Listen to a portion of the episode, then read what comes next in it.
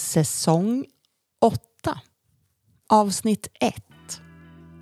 Våra husgurus.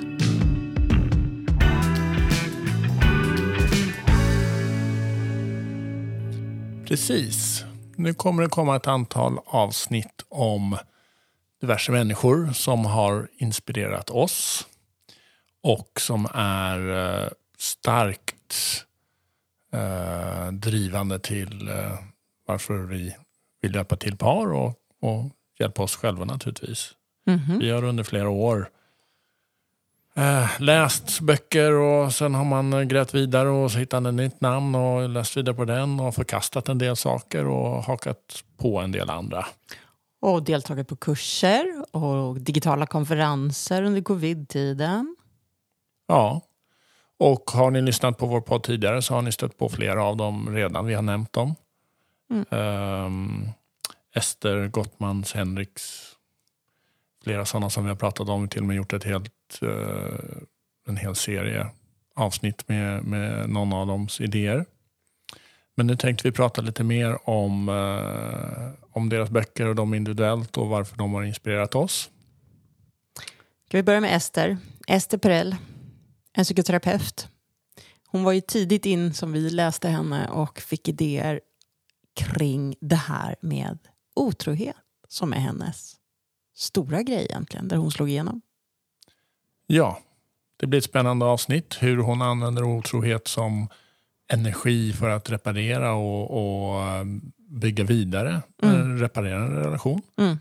Eh, Där hon ser att det kan finnas styrkor i otrohet. Det låter knäppt, så lyssna på det avsnittet. Sen har vi en annan väldigt tidig snubbe, David Schnarch, som tyvärr nu är död. Men han är både professor i urol- urologi och även psykolog. Och hans stora grej gillar ju du väldigt mycket. Mm. Han pratar om någonting som kallas för differentiering. Det är inte helt lätt koncept, men det i all enkelhet handlar det om att man måste kunna vara sig själv och vara tillsammans, ett par. Mm. Differentiering. Lyssna på snartsavsnittet får ni höra lite mer om honom och hans idéer. En som sticker ut i mina öron och ögon är ju Emily Nagoski som jag också läste väldigt tidigt för många år sedan. Som pratar så otroligt bra kring sex och dess lust. Sexlusten. Hur man jobbar med den, hur den funkar och hur man kan få det att funka bättre. Och kanske vad som händer om den inte funkar. Väldigt mycket så, vad man kan göra då. Ja. Precis, det var Emily. Då har vi ju ett annat favoritpar. eh, John och Julie Gottmans. Mhm. John som är psykoterapeut och Julie som är psykolog. De har ju en av sina stora grejer i deras studier som de, och som de också pratar om i sina utbildningar är ju det här med masters and disasters. Vilka är det som klarar av att vara i relation länge med varandra och vilka är det som absolut inte klarar av det? Och vad de gör, vad är framgångsrikt och vad är inte framgångsrikt? Ja, och de menar ju att på bara, bara några minuter kan de se om ett par är, har en hållbar relation eller inte baserat Ja. på hur de agerar. Precis. Spännande. Sen har vi till par eh, som varit gifta länge. Gay och Kathy Hendricks. Mhm. Där den ena är psykolog och den andra kommer ifrån kroppsarbete. Eller ja, inte sånt kroppsarbete, utan från dans och rörelser med kroppen.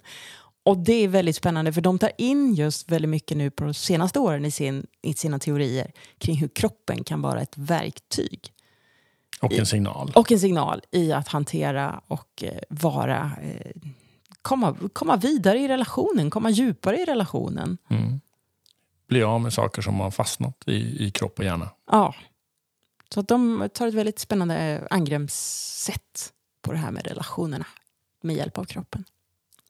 Sen har vi en snubbe som har dykt upp här på senare tid för oss som heter Terence Reel. Ja, han har också lite spår av, av naturligtvis. Eh, men han har en stor grej som vi gillar där han pratar om adaptive child och wise adult. De här två bor i alla människor menar han. Och i vissa situationer så tar den ena över och den andra borde vara där och tvärtom. Mm. Eh, spännande koncept också. Och när man lyssnar in på han och hans sessioner då får man ibland höra hur han försöker vända sig till the adaptive child för att hitta kreativiteten i, i relationen och lösningar. Så det är spännande att han nyttjar båda två i terapeutsamtalen. Den delen som normalt sett kan ses som besvärlig eller dålig, så Mhm. försöker han också dra nytta av den. Mm. Det är kul. Mm.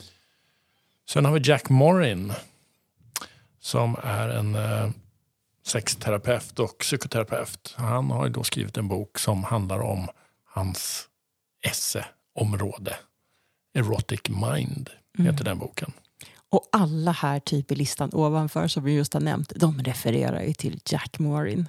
Så att det vore ju inte rätt att inte ha med honom. Eh, och vi har lärt oss väldigt mycket ifrån hans bok, framför allt. The Erotic Mind. Ja, I avsnitten här framöver i den här säsongen om våra husgurus kommer vi att dyka in djupare i alla de här vi har pratat om just nu. Varsin episod om respektive. Men dessutom finns ju en lång lista på många, många fler namn. Ja, så det kanske blir något litet avslutningsavsnitt där vi summerar ihop saker och släpper fram lite andra namn på eh, folk som har gett oss lite idéer och inspirationer och också. Mm. Och alla de här har vi i vår verktygslåda, redo att dela med er. Så välkomna in att lyssna på säsong 8. Välkomna.